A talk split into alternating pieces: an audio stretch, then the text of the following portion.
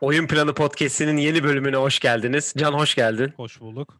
Evet, e, dün akşam bildiğin üzere e, Christmas günüydü ve e, NBA'de Christmas maçlarıyla e, devam etti ve sa- bizim saatimizde akşam 8'de başlayan yayın sabaha kadar sürdü ve arka arkaya 5 maçlık bir şölen oldu aslında. E, yani şölen oldu demek tam karşılığını ve vermedi gibi gözüküyor ama yine de e, saat farkı çok fazla olduğu için yine de Türkiye'de e, daha rahat e, izleyebildik maçları diyebiliriz. E, bugün o maçlardan bahsedeceğiz. Zaten daha önce söylemiştik e, bu hafta 3 yayınımız olacak diye. Bugün size Christmas maçlarını konuşacağız. Önce haberlerle başlayalım. E, önceki üzücü bir haberle başlayalım. E, Boston Celtics efsanelerinden Casey Jones e, dün sabah hayatını kaybetmiş. Buradan kendisine Allah rahmet eylesin dileyelim. E, kendisi Boston'ın için çok önemli bir oyuncu. NBA için de çok önemli. Hem oyuncu ve hem koç olarak toplam 12 şampiyonluk kazanmış. Aynı zamanda Bill Russell'ın da oda arkadaşlığını yapmış. E, 8'i oyuncu olarak, iki kere asistan koç olarak da iki kere de e, koç olarak e, NBA şampiyonluğu yaşamış biri. Sen e, bu konuda ne söylemek ister? Çünkü Boston'ın için çok önemli biri. Sen de bir sene boyunca Boston'da olduğun için hani Ya şimdi Casey Jones tabii böyle ilk Boston'a gittiğinde hani Celtics'in anlattığı kişiler arasında genelde olmuş işte Larry Bird, Bill Russell ve yani onları tanıyanlar ve izleyenler. Çünkü Bill Russell'ın öyle bir nasıl diyeyim öyle bir yükü var ki Boston'da. Zaten e, heykeli de var. Ve Red Auerbach'la birlikte ikisinde heykeli var. Böyle en popüler yerlerde. Şimdi Casey Jones daha arka planda kalan bir oyuncu ama o takımın devamlılığı ve işte 11 final oynaması yanlış hatırlamıyorsam. O takım bir parçası olduğu için çok sevilen karakterlerden biri ki Bill, Bill Russell'da hem o da arkadaşı hem de sonra birlikte oynamalarından dolayı bir resimde paylaşmış. İşte en yakın arkadaşımı kaybettim diye. Yani senin de dediğin gibi Allah rahmet eylesin ve zaten dün Brad Stevens'a bir molada ona özel selamını gö- gönderdi ve hani Boston taraftarlarından da dualarını istedi diyelim. O yüzden tekrardan Allah rahmet eylesin ve Boston. Zaten numarası da emekli. O maçta evet da 25 gösterdiler. numara. 25 numara emekli olmuş. Yani bu e, Lakers'ın Lakers'a Boston e, nasıl diyeyim e, rivalry'sindeki iki şampiyonluktan e, ikisinde de e, Casey Jones head coach'muş. Evet, e, güzel haberlerden bire devam edelim. Drew Holiday e, bildiğiniz üzere bu sene başında Milwaukee'ye gitti ve Milwaukee'deki kazandığı salary'sinde e, lokal mağazalara ve restoranlara bağışlayacağını zaten e, açıkladı. E, karısı da Lauren Holiday, e, Amerikan futbol takımının efsanelerinden diyeceğim çünkü gerçekten iyi bir oyuncu olduğu söyleniyordu. Yani ben çok fazla bilmediğim için hani baktığım Ayakla kaynaklarda. futbol bu arada. Amerikan Evet, soccer. Evet. Yok, ha, diyelim. Ee, o da ciddi bir ameliyat geçirmişti hatta yıllar önce ki Le, e, Drew Holiday'de bir sene basketbol oynamamıştı. Ee, Rockets'ın bu korona olayına e, ilgili bir gelişmeden bahsedelim. E, Rockets'taki asistan koçun korona testinin pozitif geldiği açıklandı ki birçok oyuncu 7 gün karantinada kalacağını söylediler. Onlar da bu dün e, Boston'ı e, pardon Boston'a o kadar konuştuk ki aklım Boston'a gitti. Portland'da uçtular. Portland'da sezonu açacaklar. E, Eric Gordon, John Wall, DeMarcus Cousins ve Mason Jones e, Portland kafilesinde yer almadılar. E, çünkü Ben McLemore ve KJ Martin, e, KJ Martin, Kenyon Martin de e, zaten söylemiştik daha önce karantinada olduklarını. E, e, Portland'a götürülmedi ama 8 oyuncuyla e, Portland'a gittiler ve büyük ihtimal sezonun ilk maçına Portland'da oynayacak Houston. E, kolay gelsin diyelim onlara. 8 oyuncuyla nasıl bir e, oyun göreceğiz bilmiyorum. E, Harden'da belki orada bırakıp yeni oyuncularla dönme ihtimali de son gelen dedikodular arasında. Zaten dün Rafael Stone'a biri tweet atmış. Bu rezalet hakkında hiçbir şey demiyorsunuz. Nasıl bir nasıl bir GM'siz takım yönetemiyorsunuz diye. O da bir şey olarak bu tweet'e cevap vermiş. Yani you don't say please say something yazmışlar. O da cevap hı. olarak something yazmış sadece. Yani biraz kontrol altında bence olay. Bu NBA bu haber dağılımı genelde reporterlardan olduğu zaman hani biraz bence şey oluyor nasıl diyeyim. Kontrol altında olması kesinleşiyor sonra o haber sızıyor gibi geliyor bana. Bakılsa yani 8 oyuncu yani 8 mi çıkıyor kesin emin değilim Sekiz. ama yani çok bir şey olacağını zannetmiyorum çünkü zaten Yani kazanma ihtimalleri bence yok çünkü ilk maç bayağı şey olacak ve oynamayanlar bütün rotasyon değişecek falan derken en iyi 3 oyuncun oynamıyor. Ve Rockets yanlış bilmiyorsam back to back oynuyor olması lazım. Çünkü bugün oynayan takımların çoğu back to back oynuyor. O yüzden çok bir beklentim yok Rockets hakkında. Portland'da 20 sayı fark yemişken bugün çok bir şey olacağını Var diyorsun. Yani Portland en son çünkü e, Harden'ın takasını istediği takımlar arasına da girmişti. Öyle bir dedikodu da vardı. O da büyük ihtimal Portland Portland'ın Amerika'daki en fazla e, nasıl diyeyim? Gentleman Club'a. Gentleman Club'a sahip olduğu şehir olduğu için böyle yazılar da vardı. Hayırlısı diyelim ama bir an önce e, Houston'ın geleceği için bunun e, sonuca kavuşması lazım. Konsantre olabilmek için. Houston pazartesi evet. bu arada Denver'da oynuyormuş. Pazar oynamıyor. Pazartesi Denver'da oynuyormuş. Oradan Denver'a geçiyor büyük ihtimal. Bu da bayağı uzun uçuş ha. Yani Portland orada, Denver şurada ya. Çok kısa olabilir orası. Peki. Peki Las Vegas'ın üstünden geçiyor. Hocam Las Vegas'ta inecek var deyip şey yapabiliyor mu? Evet. E, istersen yavaş yavaş Christmas maçlarına gelelim. E, genel olarak e, Christmas maçlarıyla alakalı eleştiriler vardı ki 5 maçında sadece herhalde ilki biraz böyle nasıl diyeyim e, rekabet içinde geçti diyeyim. Kafa kafaya geçti diyeyim. Onda da zaten Yine sonda fark açıldı ve Pelicans kazandı. E, pardon Miami kazandı. E, genel olarak da şeyden bahsetmek istiyorum. Bu geçen bölüm konuşmuştuk formalarla alakalı. Çünkü internette çok fazla e, işte Christmas'ta eskiden formalar yapılıyordu. Hala niye yapılmıyor gibi dedikodular var vardı.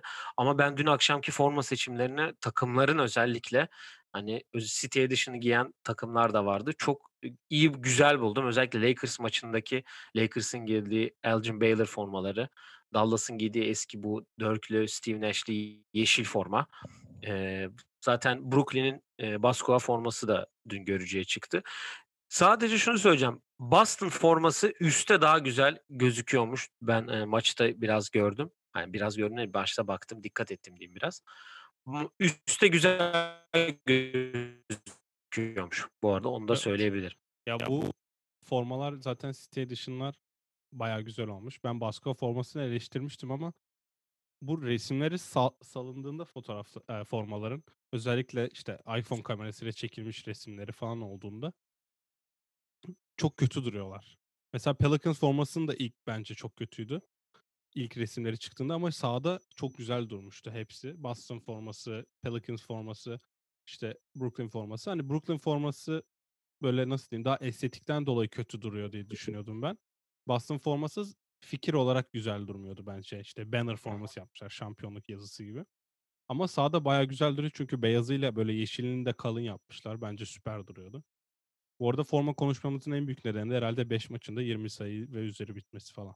Büyük ihtimalle oradan yani. ayak ayakkabılar da güzeldi bu arada. Ayakkabılar de... bu Kobe'leri herkesin giyeceğini ben bekliyordum. Bir tek Anthony Davis ve Anthony Davis giyiyordu. Pelinka da mı giymiş? Evet. Grinch, Kobe 5'ler hakikaten bence basketbol tarihinin en güzel ayakkabıları. Ya benim için en iyisi, en güzeli tabii, diyebilirim tabii. onun için. Ee, şeyin de e, nasıl diyeyim böyle Hmm. Montrezl tüllü ayakkabısı evet, mı? Tüylü ayakkabısı aynen. O baya kötü mesela yani. Ama Montrez'in e, neyse oyununa geleceğiz onun. Evet ilk maçta başlayalım. Artık maçları da gelelim.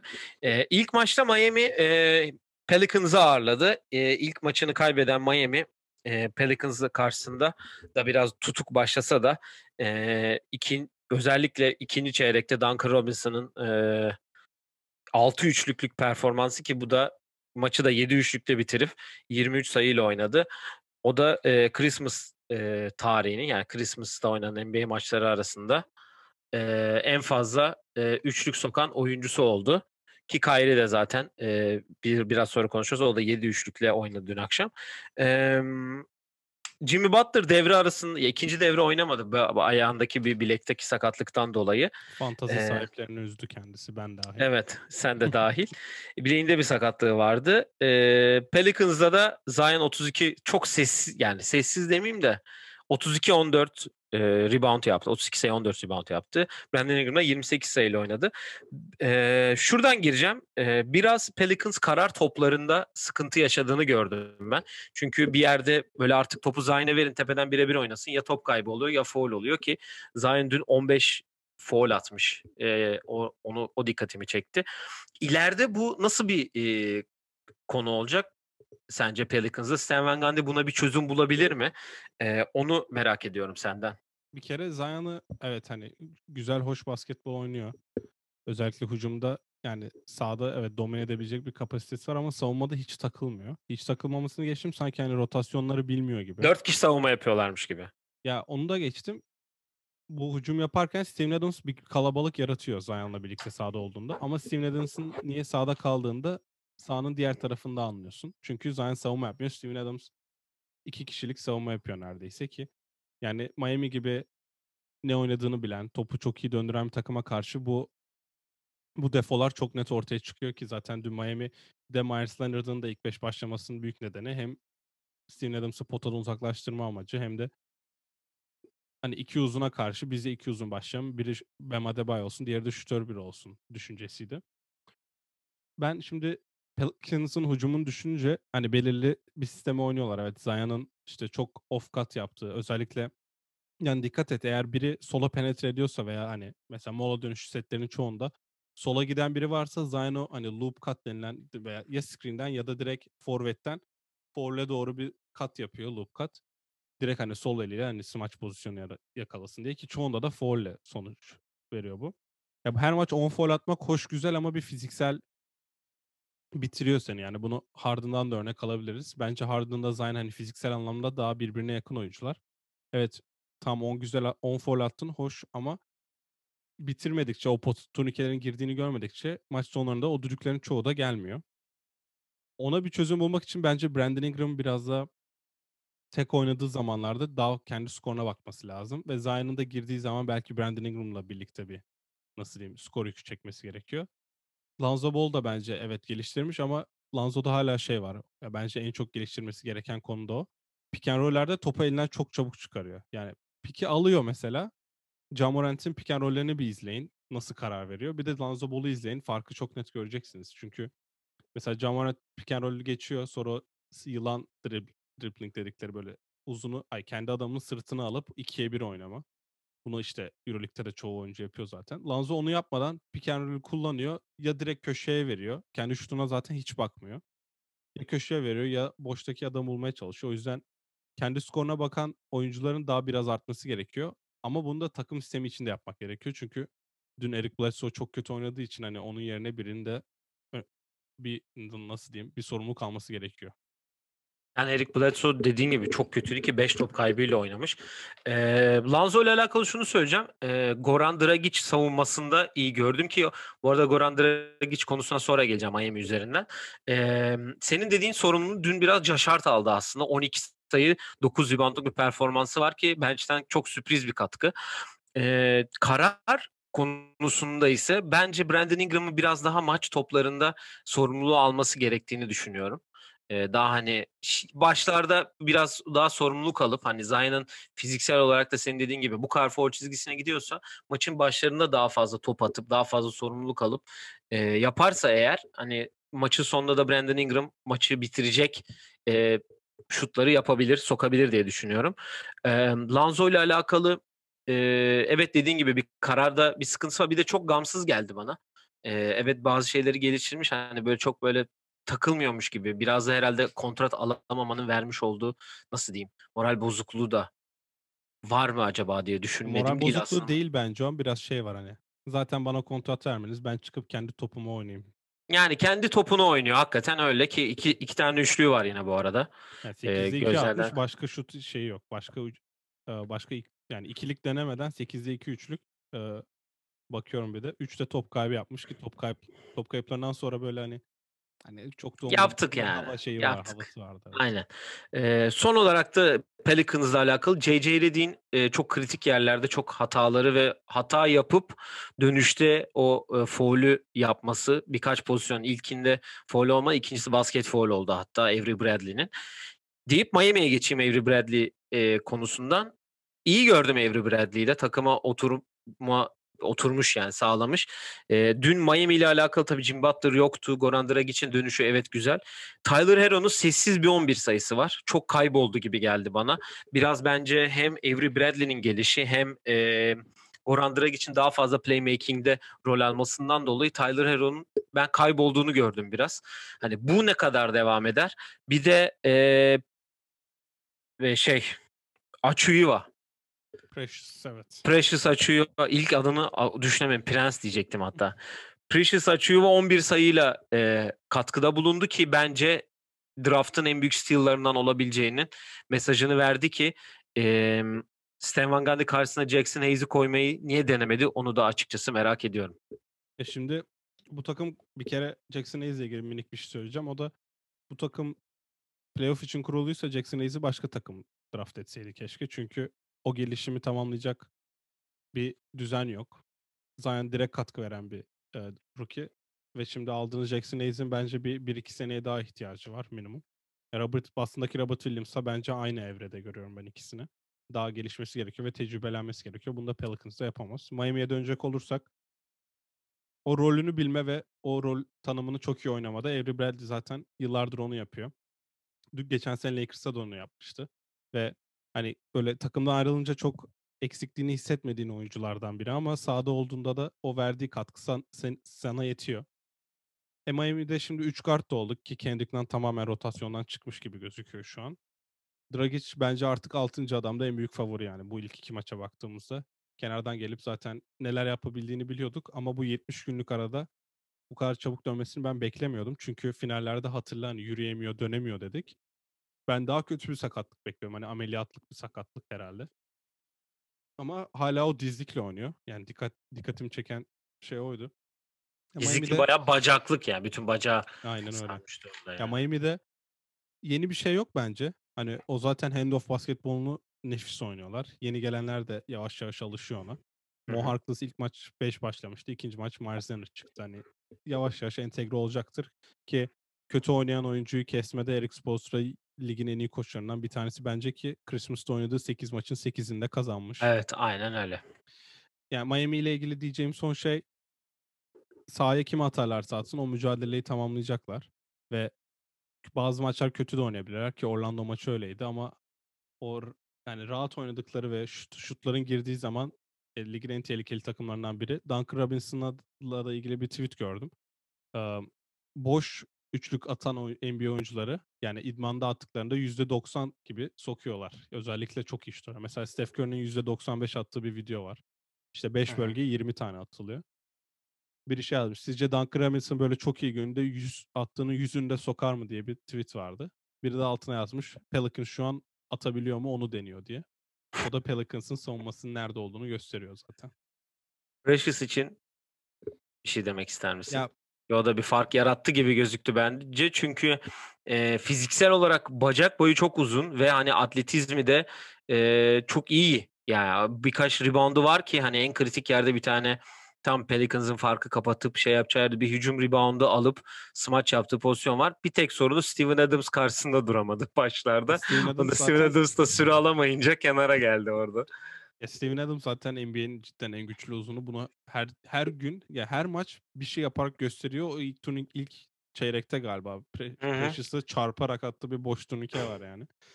Ya Precious'ı draftta biz ben okuduğum yerlerin çoğunda böyle daha altlardan Brooklyn'e gitmesi bekleniyordu. Çünkü savunma anlamında çok üst seviyede olduğu ve çalışkan olduğu hani ve fiziğiyle fark yaratacağı konuşuluyordu. Ve çünkü herkes o zaman Miami'ye işte Maxi'yi alacak. Çünkü Maxi tam Heat culture olacak bir oyuncu derken onlar aldı. Hani draftta Miami'nin seçtiği oyuncu genelde artık sorgulanmıyor. Tam uyduğunu evet. da görüyoruz ve yavaş yavaş. Yani şöyle bir şey var. Her idmanda sen Bam Adebayo'ya karşı oynarsan illa gelişeceksin diye düşünüyorum ki Bam Adebayo'da mentalite olarak dün Eric Bledsoe ona bir nasıl hip check foul yaptı dışarı attı. Evet. Bu flagrant verdiler hatta. Hı hı. Maçtan önce demiş ki bilmiyorum sizin yayında söylediler mi de maçtan önce demiş ki rakipler beni sinirlendirmeye çalıştığında ben artık o maçı tamamen kontrolüm altına almalıyım ve domine etmeliyim. Ben artık öyle bir kafaya girdim demiş. Yani bu oyuncunun da idmanlarda nasıl olduğunu tahmin edebiliyorsunuzdur. Ona karşı da Precious bence gelişecektir ve mesela yeri geldiğinde direkt backup center bence Precious olacak. Ya olabilir. Böyle bu oynamayı geçen sene gördükten sonra işte sahaya Hı. atıyor Kendrick Nunn 10 maça ilk 5 başlıyor 20 sayı yapıyor. Precious da illa bir yere atacak çünkü zaten 70 gün ara yaşayan yaşamayan tek oyuncu o takımda neredeyse. Doğru. Tyler da biraz daha iyi vitesi arttıracaktır Yavaş büyük yavaş. ihtimalle düşünüyoruz. Şarkısı var abi o kadar. Şarkısı da çıktı. Biraz şey yapalım. Evet, eee, gecenin ikinci ve bence en e, sıkıcı olarak adlandırılan maçına gelelim. Eee, Milwaukee Golden State'i ağırladı evinde ve maçı 138-99'luk gibi bir farklı skorla kazandı. Yani bu maçla alakalı e, şunu söyleyeceğim sadece. Sahada izleyip e, şey yapabileceğin dört oyuncu vardı sadece. Bir tarafta Steph'le James Wiseman, öbür tarafta da Giannis'le e, Middleton vardı yani. Başka pe- hiçbir şey yoktu yani ki Middleton 32 sayı, Giannis 15 sayı 13 reboundla oynadı. Steph 19 sayı ki çok kötü bir şut performansıyla oynadı. Wiseman iyi gördüm yine. 18 sayılık bir e, katkısı var ki e, Draymond Green'den ders alıyor biraz daha savunma anlamında yavaş kaldı gözüktü. Yannis'i birkaç pozisyonda geçilerek. Ee, ve bir konu var ki bunu bence konuşmamız gerekiyor. Kelly Oubre ve Andrew Wiggins ne yapıyorlar? Ben merak ediyorum. Çünkü ikisi toplam dün 28'de 7 gibi bir e, şut yüzdesiyle oynadılar. Kelly Oubre çok kötü gözüktü. Yani hani Andrew Wiggins belki de Kelly Oubre gerçekten kötü gözüktü. Onun için e, ki birkaç yerde böyle Steph de şut seçimlerine güldü baya. Yani bilmiyorum ne kadar ilerleyebilirler. Kelly Oubre'den mi çıkmaları gerekiyor mu diye düşünüyorum ama bu kadar kötü olmasının sebebi sence Kelly Oubre'nin de uzun bir ara vermesi mi yoksa zaten hep böyle miydi? Bence hep böyleydi. Öncelikle Kelly Oubre'nin Warriors'ın salary cap'ine 100, seks- yıllık 80 milyonluk bir katkı yaptığını söyleyelim. Kendisi 15 milyon alıyor. Yanlış bilmiyorsam ve bu luxury tax'in üstüne çıktıkları için katlanıyor bu para ve toplam 80 milyona denk geliyor. Yani Kelly Oubre'ye yıllık 80 milyon ödeniyormuş gibi düşünelim. Onun Wow. yanında e, hayatında hiç kazanan bir takımda oynamadığı için ve hiç bu bu kadar dikkatli izlenilmediği için böyle bir oyuncu olmadığı olduğu bilinmiyordu. Ama işte gerçi Doğu'nun en iyi iki takıma karşı oynadıktan sonra biraz eleştirmek sert olabilir ama Tabii. yani smaç Yani- denemediği şutların 16'sında kaçırmış sanırım. Böyle bir istatistiği var Kelly Oubre'nin bu sene. Andrew Wiggins'in de demin dediğim gibi kazanan bir takımda oynamaması ve kariyerinin en başarılı döneminde üçüncü opsiyon olması. Burada Ve o rakibin Oklahoma City olmaması evet tabii. da var biliyorsun. Yani ikisi de benzer oyuncular zaten. Savunmada yaptıklarıyla hiçbir zaman öne çıkmayacaklar. Çünkü hücumda yaptıkları tamamen geri atıyor onları.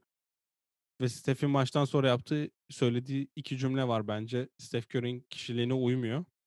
Ama Warriors'ın durumunu net gösteren bir tanesi. Takım olarak herkesin basketbol IQ'su daha yüksek hareketler yapmasını bekliyorum. Diğeri de bizim şu an kazanmamız lazım. Bu kadro şu an Euro Cup'ı kazanamaz bence. Yani Steph Curry'i çıkardığında bu kadro bence Euroleague'de playoff'a giremeyecek bir kadro. O yüzden bir hamle yapılması gerekiyor ve şu an markette hamle yapılabilecek tek oyuncu var. Joe Lacob eğer eee Joe Lacob'la Bob Myers kendilerini ışık yılı kadar önde görüyorlarsa James Harden'ı bir türlü bu takıma getirirler diye düşünüyorum. Büyük ihtimalle getiremeyecekler ama ben ma- markette aklıma başka biri gelmiyor.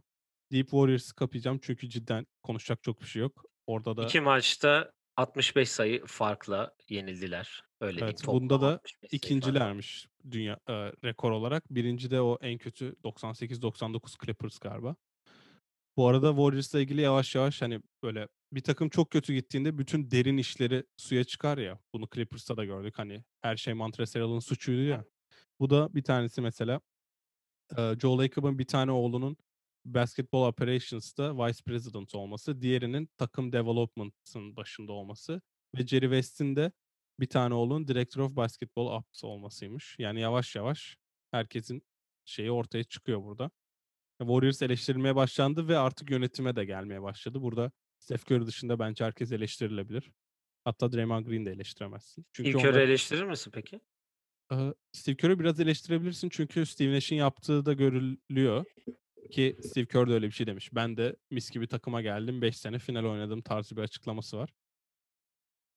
Zaten Steve Kerr'ü de eleştirenler gördüm. Hani geldin hazır takıma. Savunma yapan takımı aldın Mark Jackson. Mark Jackson'a yine bir yerden kredi çıkıyor. Neyse. Mark Jackson savunma yapmayı öğretti adamlara. Sen geldin iki hücum öğrettin. Şampiyon oldu diye bayağı tweet atan Warriors'lar gördüm. Yani 31, 32, 33 yaşına girecek. Bu 3 yıl yani 3 yaşını giren Steph Curry'nin prime'ını yiyorlar şu an. O da onların ayıbı olsun diyorum. Yani evet Warriors'ı böyle görmek üzüyor. Steph Curry için MVP adayı dedik.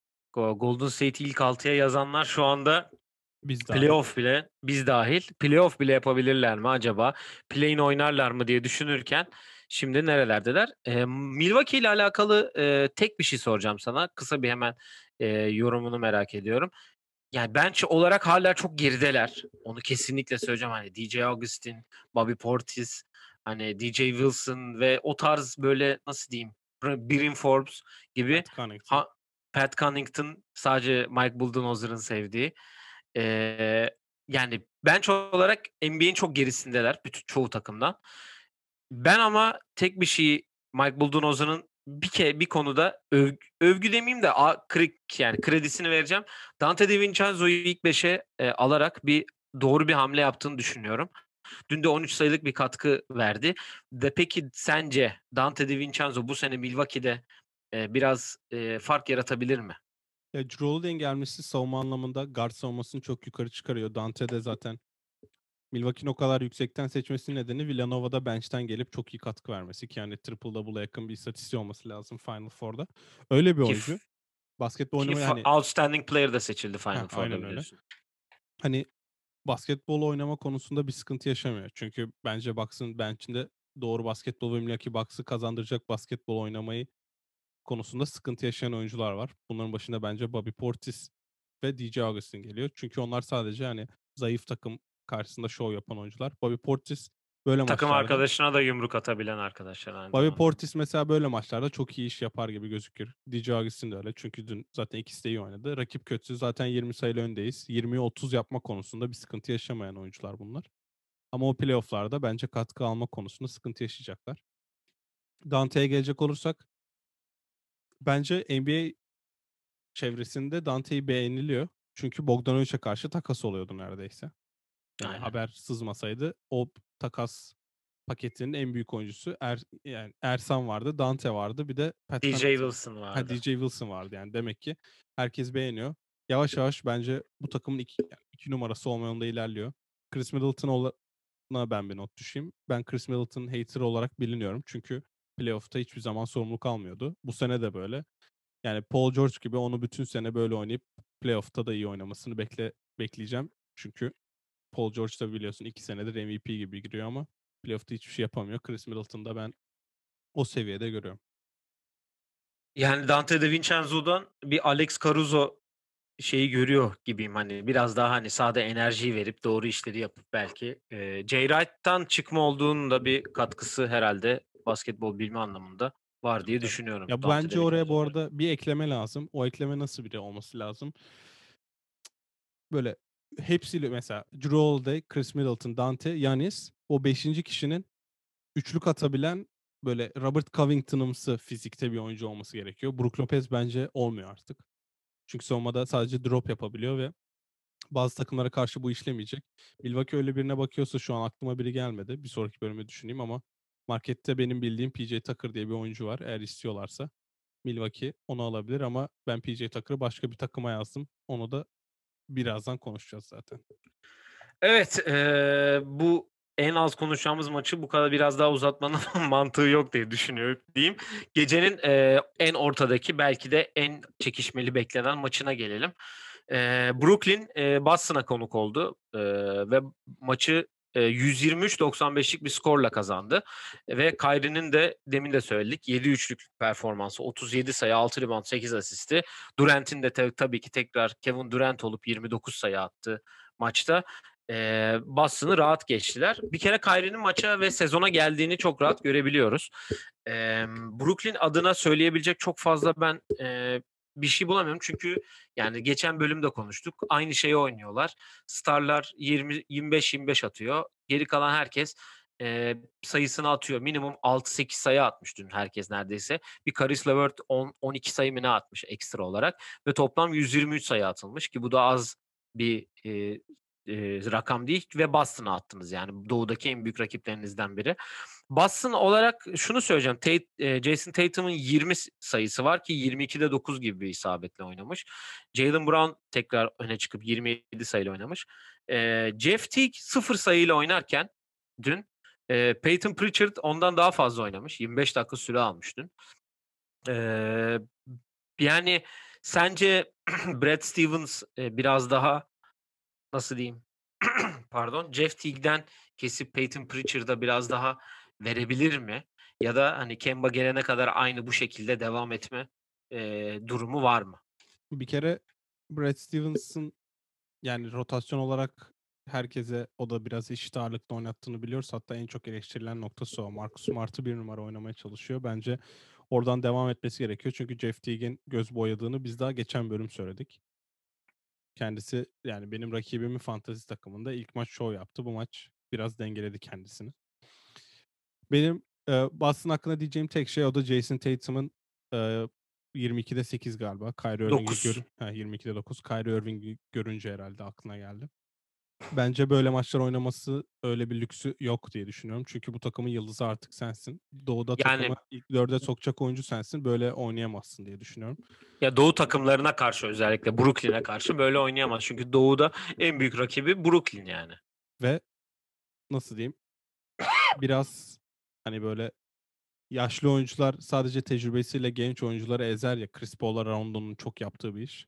Kevin Durant dün tamamen bitirdi Jason Tatum. Yani biraz orada sert bir mesaj verdiğini düşünüyorum ben. Hani hücumu geçtim zaten NBA'nin en iyi skorerlerinden biri tarihte. Savunma anlamında da Jason Tatum'a hiç yani hiç izin vermedi istediğini yaptırmaya. Bir tane o bence şansa soktuğu bir fadeaway var. Böyle yarım spin üzeri Kyrie'nin üzerinden. Onun dışında çok zor basketler buldu. E Jalen Brown bunları yapıyor ama Tatum 22'de 9 attıkça bu takım çok üst seviyeye çıkamaz. Onun dışında da guard'da sorun yaşayacakları belliydi. Kemba, Beck, Kemba gelene kadar bu takımın en azından %60 galibiyetle oynaması gerekiyor ki Kemba geldiğinde kendilerini ilk dörde atsınlar. Yani eee Jalen Brown'la alakalı eee, buraya not almışım da birebir olduğu hani posta yani zayıf adamı gördüğünde hani posta alma durumundan çok fazla sayı attığını eee, gördüm ben. Ve eee, şunu da gördüm. Onun bunu biz daha önceki yayınlarda sanırım eee, Disney balonunda konuşmuştuk diye düşünüyorum. Eee Tatum'un kötü olduğunu anlayıp sazı eline alma kısımlarında biraz daha geliştirmiş kendini sorumluluk alma kısmında diye düşünüyorum. Eee, bu takımın en iyi ikinci oyuncusu benim Zaten 25 şut atmış. demesi. Aynen hani bunu geçen bölümde hani atman atmaz geçen bölüm değil sen demiş hani Marcus Smart bu kadar şut atıyorsa bir yerde bir sıkıntı vardır diye. Jalen Brown'un atması gerek demiştin sen de. Eee, Dur son bir ekleme yapayım bu arada Boston'a da.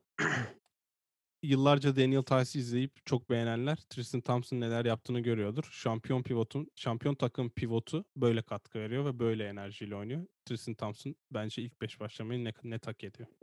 ya dün Durant'in karşısına kaldı birkaç pozisyon. Zaten maçı Yani. yani maçın başında Durant'i o tutuyordu. Aynen. Yani Tristan Thompson'ın eee, bu kadar eee, senin dediğin gibi şampiyon takımın önemli bir parçası olmasının bir sebebi vardı her zaman. Genç olması zamanında ve eee, şu anda da eee, enerjisiyle ve tecrübesiyle bir sürü şey katacağını söylemiştik. Buradan Brad Stevens bizi dinliyorsa eğer lütfen Tristan Thompson'ı birinci beşe alsın diyelim. Ve eee, gecenin diğer maçına geçelim. Dördüncü maça Los Angeles Brooklyn'le ilgili bir Lakers. şey demiyorsun galiba. Ya Brooklyn'le alakalı zaten çok konuştuk. Demin de söyledim zaten. Hani e, starlar yapması gerekeni yapıyor. Rol oyuncuları yapması gerekeni yapıyor. Kyrie'nin e, uzak mesafeli üçlüklerine biraz dikkatimi çekti. Hani 9'dan 10'dan kaldırdığı birkaç şut var ki soktu. Yani Kyrie sezona geldiği zaman %100 kendini sahaya verdiği zaman neler yapabileceğini hepimiz çok iyi biliyoruz bunu. Hem 2016'daki NBA finallerinden hem de e, hangi 2017 sezonu tamamı. 16 17 17 tamamı. tamamı ve hangi dünya şampiyonasıydı? MVP 14. oldu. 2014 Dünya Şampiyonası'nda yani muazzam bir basketbol oynamıştı zaten. Hani buralarda her zaman var ama e, sahaya tamamen gelmesi gerek. Şu an doğruları yapıyorlar. Boston'ı yendiler. E, bundan sonraki e, durumlarını tabii ki nasıl bir e, rotasyon, maçlar back to back'ler oynamaya başlayınca nasıl olacak? İkisinin de durumu göreceğiz. Ama onların kazanmayı bilen oyuncuları var. E, bence de e, ligin en iyi bench e, kısmına Lakers'la beraber sahip olduklarını ben düşünüyorum. Ya iki maçı da farklı kazanmış bir takımı eleştirmek biraz saçma ama Spencer Dinwiddie yerine sanki oraya başka profilde bir oyuncu gerekiyor gibi geliyor. Çünkü o da topu elinde isteyen, hani geçen şut falan çok iyi olmayan bir oyuncu. Çok yani çok rahat sayı buluyor takım çünkü. işte Durant, Kyrie, Dinwiddie, Lavert, işte Jeff Green, Shamet falan derken herkes yani 120'yi buluyorsun. Hı hı. Ama Dinwiddie sanki o ilk 5'te olmuyor gibi geliyor bana. Ya da Dinwiddie yerine Lavert bitirse maçlar en azından 3 playmaker oluyor. Yani Joe Harris bu arada muhteşem başladı. Hani şutlar girmese bile savunma yani ben e, ilk Brooklyn preview yaptığımızda demiştim ya kim savunacak diye. Joe Harris en azından o mücadeleyi gösteriyor. O yüzden bence çok iyi mesaj. Brooklyn'i bir de mağlubiyetten sonra nasıl kaybettiklerini de bir görmek lazım diye düşünüyorum. Evet. Yani e, ben Steve Nash'te şunu gördüm biraz. Hani o Clay'in oynadığı basketbolu biraz olsun. Hani şutu sok, savunma yap abi. 3 yap sen Joe Harris. Biz böyle devam edelim sende gibi bir şey kattığını gördüm orada. Onlar da iki maçı da 20 sayıyla kazana kaza, ilk iki maçı 20 sayıyla kazanarak başlayan 98-99 e, Lakers'tan sonraki ikinci takımmış bu arada. Onu da e, dipnot olarak geçelim diyelim. Lakers Dallas maçına gelelim. E, Lakers son şampiyon evinde Dallas'ı ağırladı. E, herkesin gözünde LeBron'un Luka'ya karşı oynayacağı e, maç olarak gözüken maçı Lakers 138-115. Bu arada acayip fazla sayı oluyor. Bilmiyorum Evet, farkında evet. mısın? Yani ilk iki günde sayılar acayip yani. E, 138-115 kazanıyor. Ve e, Anthony Davis'in 28 sayı, e, 8 rebound, 5 asisti. LeBron'un 22 sayı, 7 rebound, 10 asist. Burada e, bu Dallas'ta söyleyeyim. Doncic'te 27 sayı, 7 asistlikle bir e, performansı var. Lakers'ta yeniler hakikaten aynı şekilde aynı hazır durumda devam ediyorlar ki LeBron da maçtan sonra bunu çok e, vurguladı. İlk maçın kahramanı Schroeder bu sefer de Luka'nın e, savunmasında çok iyi e, yer aldı birkaç pozisyonda. Çünkü çok zorladı ve karşısında kaldı ki Luka'yı zor atışlara zorladı. Luka da LeBron'u gördü mü e, potaya kadar gitti resmen. Yani hani bu bu yaşlı benim karşımda duramaz büyük ihtimal deyip potaya kadar gitti. E, ne zaman karşısına görse belli bir kalite farkı var iki, iki takım arasında. Yani bu çok belli. E, ama dün akşam bence yıldızı Montreal Harrell diye düşünüyorum. E, Dallas uzunları arasında e, çok iyi savaştı. Çok iyi e, işler yaptı ki o da 22 sayıyla bitirmiş. E, geçen bölüm Dallas için söylemiştim. Porzingis'i e, artık pamuklara mı sararlar, ne yaparlar bilmiyorum. Bir an önce geri getirmeleri lazım. Yani şimdi Dallas'la başlayayım ben. Çünkü yani Lakers hakkında cidden diyecek çok bir şey yok. Ama Dallas yani Doncic ne yaparsa o kadar gidebiliyorlar ve bu ya kadro kurulumundan değil ama yani Doncic gibi bir oyuncu böyle oluyor. Yani yok içte de geleceğiz şimdi oraya. Yani bu oyuncular özellikle böyle triple double yapan oyuncular Russell Westbrook'ta yıllarca gördük. O oyuncu ne kadar yüksek performans sergilerse o takımın tavanında öyle oluyor. Şimdi Doncic kötü başladığı maçları mesela Dallas kazanamayacak. Onu öğrenmiş olduk. Çünkü Dorian Finney-Smith, Tim Hardaway. Şimdi bakıyorum kadroya. Dorian Finney-Smith, Tim Hardaway, Dwight Powell, Maxi Kleber, Senin üç silah. Mesuvundu. Geçen maç. Bahsettiğimiz. İşte diğer Trey Burke, hani Trey Burke'ı dışarıda bırakacağım. Bu oyuncuların hepsi Doncic'in eline bakıyor. Yani Doncic bir şey yapmazsa bu oyuncular çıkıp 20 sayı atamayacak. Trey Burke mesela 17 atmış ki kadroda olmasının en büyük nedeni de bu. Josh Richardson'da ikisi 17'şer sayı. Başka yani da yok zaten. Josh Richardson'ı getirmelerinin nedeni buydu. Seth Curry'nin de olmasının nedeni buydu. Ama Josh Richardson'ın eğer hem böyle sorumluluk alacak hücumda hem de savunmada da en iyi oyuncuyu savunacak diye yaparsan o yani o katkı tamamen düşüyor. Clay Thompson'ın çok iyi gözükmesinin nedeni topu yere vurmadan 30 sayı atabiliyor olması. Çünkü zaten savunmada rakibin en iyi gardını savunuyor. Josh Richardson da ikisini yapacak seviyede bir oyuncu değil.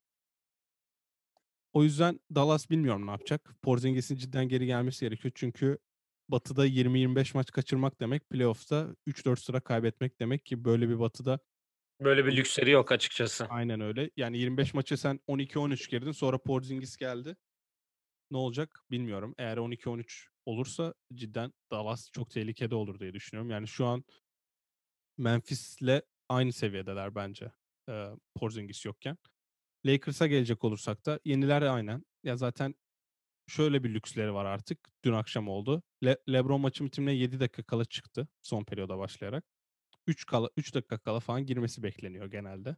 Öyle bir rotasyon oluyor. LeBron bir daha oyuna girmedi mesela. Çünkü sağdaki 5 Montrezl Harrell, Dennis Schroeder, Anthony Davis, Kuzma bir de KCP vardı yanlış hatırlamıyorsam. Farkı 12'de 12-13'e inmiş farkı bir anda 20'ye kadar çıkardılar ve hani maçı tamamen bitirdiler. Yani Lakers'ın böyle bir lüksü var artık ama LeBron'un yavaş yavaş düşündükçe ben yani maç kaçıracağını zannetmiyorum. En azından 30 Maç içinde dinlenecek. Aynen 25 dakika 30 dakika civarı oynayıp 20 sayı atmasını bekliyorum. Çünkü onun da yani yetişmesi gereken bir sayı rekoru var.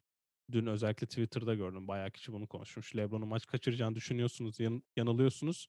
Kareem'in sayı rekoruna yetişecek yazmışlar. Dün de biraz öyleydi. Yani o üçüncü periyotta bir tane koş yani turnike adımıyla üçlük denemesi falan var. Biraz ben dün Lakers'ın tamamen bir LeBron takımı olduğunu gördüm. İşte LeBron hangi viteste oynamak istiyorsa takım da o viteste. İşte bir top kayıpları var yani. Dennis Schroeder bir kere o foul hani LeBron onların bir seti var ya set değil yani bir play. İşte foul'den sonra Anthony Davis'e uzun pasla bir post-up setleri var onların. Dennis Schroeder daha o pası keskinleştirememiş. İki maçta da iki top kaybı yaptı öyle. İşte öyle takılarak Zamanla biraz ikinci maçta. öyle takılarak biraz bu takım istediği yere gidecek. Çünkü LeBron'suz bile yani Dennis Schroeder çok net bir playmaker olarak kaldı ki onu da kontrat söz, kontrat uzatma görüşmelerine başladığını söyleyelim. Ee, bu organizasyonda olmaktan çok mutluyum ve burası inanılmaz bir yer demiş Dennis Schroeder. Bunu Anthony Davis'e söylüyorlar. Bunu Anthony Davis'e söylüyor. Anthony Davis şok oluyor. Biri de demiş ki işte AD'de kariyerinde ilk kez e, iyi bir front office görüyor demişler. Güzel.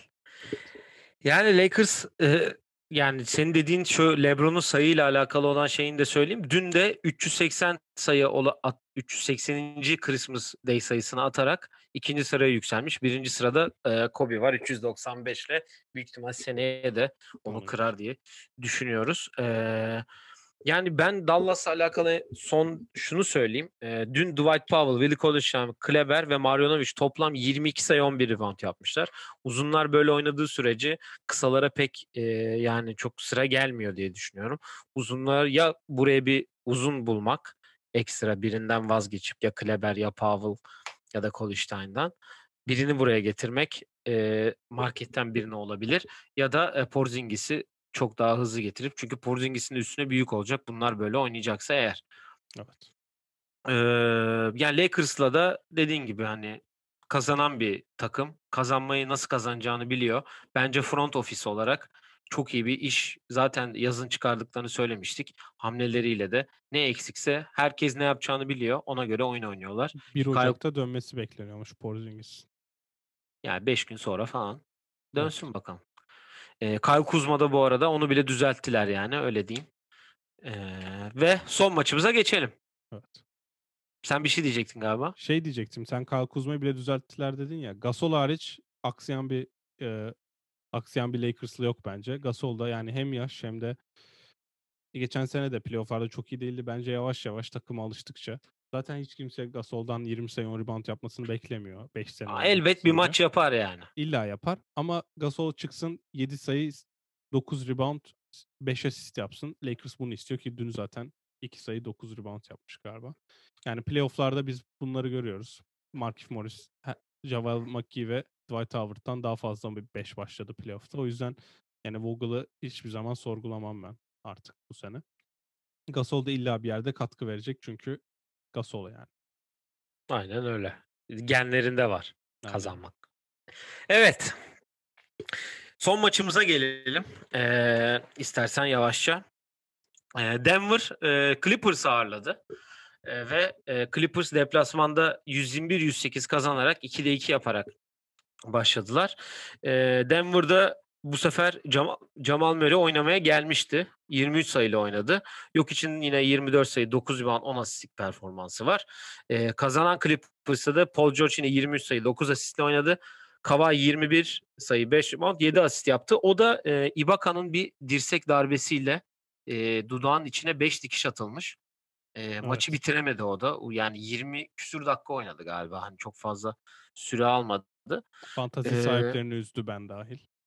Sen de sürekli birileri şey yapıyor. Evet, Ee, yani. Dem Denver'la alakalı e, Michael Porter da 10 sayı attı bu arada. Onu da söyleyelim. Ee, ya Denver'la alakalı şunu söyleyeceğim. Onlar için hep e, tecrübesiz eee, genç bir takım, eee, yorumu yaptık hep. Eee, geçen sene bubble öncesi ve, hani, genelde etrafta da bu yorum yapıldı. Ama bubble'dan sonra onların artık, eee, kazanmayı bilen genç takım olmaları olduğunu gördük. Ama tabii, eee, üstteki takımlara, Lakers gibi, Clippers gibi bu takımları yenmeleri gerekiyor. Dün akşam bence hâlâ biraz yorgunlar. Daha hazır değil hazır olmadıklarını düşünüyorum ki Lakers ve Miami ekimden beri oynamıyorsa onlar da 100 gün iyidir dinlenmeleri diye düşünüyorum. Eylül sonu olarak görüyorum.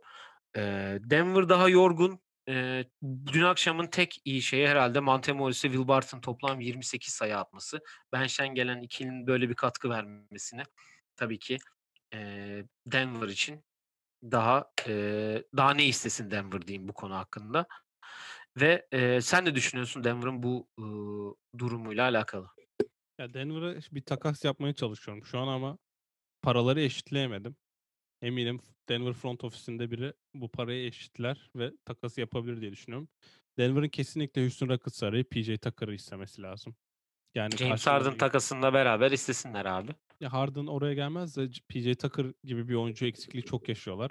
Jeremy Grant'i ce evet, Jeremy Grant'i kaybettiler ama onların elinde olan bir durum değildi. Çünkü parada eşitlik eşitlediklerini duymuştuk zaten ve Grant başka rol istediği için bu takımdan ayrıldı ama o rolü Michael Porter'a verince geçen sene Michael Porter'ın oynadığı rolü oynayan oyuncu kalmadı elde. Ya, savunma anlamında zaten çok sıkıntı yaşıyorlar. Bu Paul George'la Kawhi Leonard'ı savunamıyorlar. E, Kings'e kaybettiklerinde de sıkıntı yaşadılar ve Jamal Murray kadar dengesiz bir oyuncu herhâlde NBA'de yakın tarihte görmedik. Hani All-Star olmasını bekliyoruz dedik. Zar zor basket buldu. Dün ilk basketin 3. periyodun sonlarına doğru falan attı. Yani 22 sayıyla bitirdi yani öyle de bir durum var. Ya, bu, hani, fark olduktan sonra atılan sayıları seviyorum. Çünkü LeBron da biliyorsun çok iyi yapar. Maç bitmiş mesela. Bir 1,5 dakika var ki bunu 2010 2018 finallerinde izleyin. Yani fark olduktan sonra nasıl kendi istatistiğimi kasarım da LeBron cidden bir dünya markası her şeyde olduğu gibi. Jamal Murray de biraz ondan kastı. Yani Doncic'in dediğimin aynısını söyleyeceğim. Bu takım Jokic ne kadar oynarsa o kadar ileri gidebiliyor. Çünkü başka kimse sorumluluk almıyor gördüğümüz bu 2 maçta. Geçen maç 29 sayılık 29'u 14-15 yapmış bir adamı son saniyede maçı kaybetti yani takım. Jokic'in hazır gelmesine yazık oluyor gibi şu ana kadar ama Jamal Murray bir silkelenecek herhâlde. Michael Porter dün kötü oynadı. İlk maçı iyiydi. O da, hani, dengeliyor. Kendisini bir 15-17 sayı ortalamasına getirecek o da. Onun oynadığı iyi maçları kazanması gerekiyor gibi duruyor şu an Denver için. Ama bir hamle illa lazım. O hamle de, işte, wing savunucu, sertlik getiren bir oyuncu olacak. Şu an aklıma da yine Milwaukee'deki gibi PJ Tucker'dan başka kimse gelmiyor. Yaş 37 ama. 34 pardon.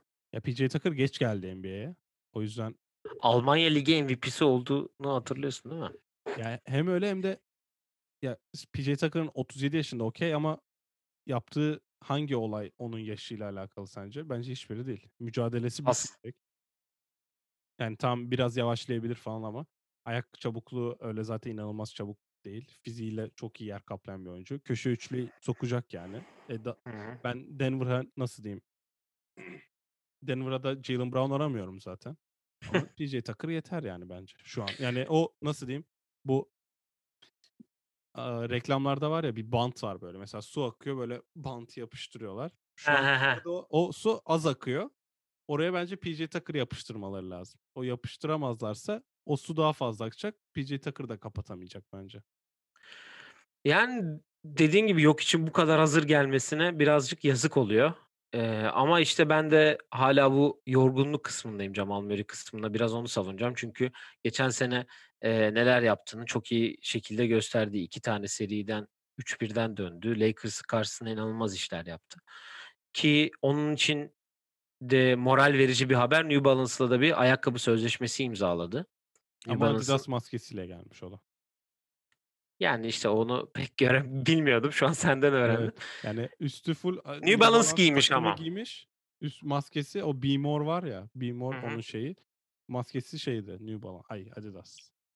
Yani zaten takım oyuncular bazıları takım maskeleriyle geliyorlar. NBA'in koçlara yaptığı o tak takım maskelerinden takıp geliyorlar.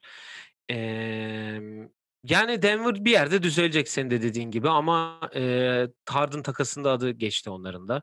Hani ne olacak? Üçüncü takım olarak adı geçiyor ki ne olacak? Kim gidecek? Belki o kısımda bir PJ Tucker koparabilirlerse onlar için iyi olur ama ben şunu da söyleyeceğim. Geri Harris'ten kurtulmaları gerektiğini düşünüyorum. Çünkü hiçbir şey eee yani olacağını düşünmüyorum. Bir guard kalabalığı var ya orada. Çok kalabalık var. Aynen öyle. Yani Geri Harris'ten kurtulup bir rahatlaması gerekiyor o boş kısım.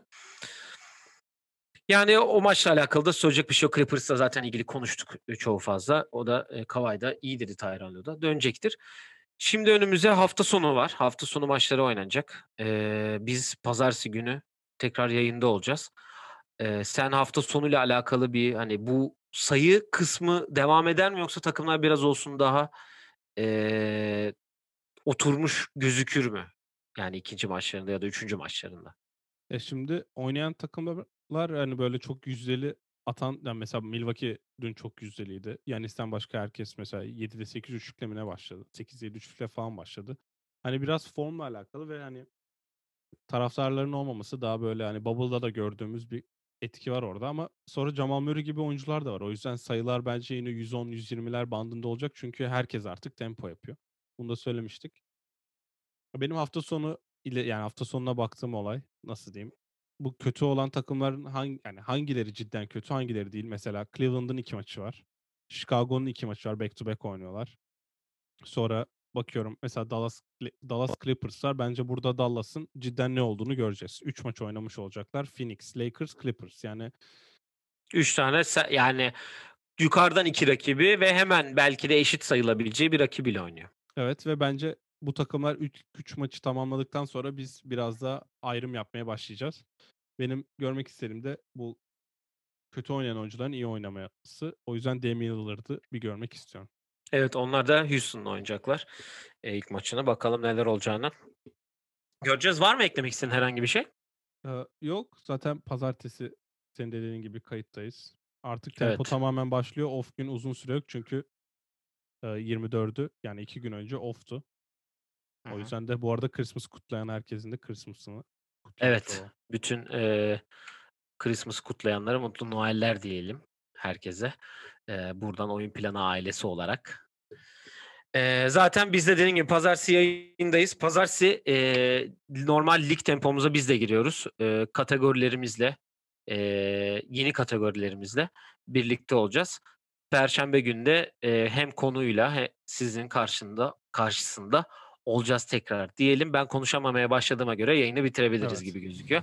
Evet, et oyun planı pod Twitter, Instagram, Facebook, YouTube, Spotify, Apple Music her yerden bizleri takip edebilirsiniz. Tişörtler için bilgi almak istiyorsanız yukarıda yazan e, e, nasıl diyeyim e, sosyal medya hesaplarından bizleri takip edebilir. Linkin altında da zaten hayır, videonun altında da Shopier linki var. Videoyu beğenmeyi, takip etmeyi unutmuyoruz.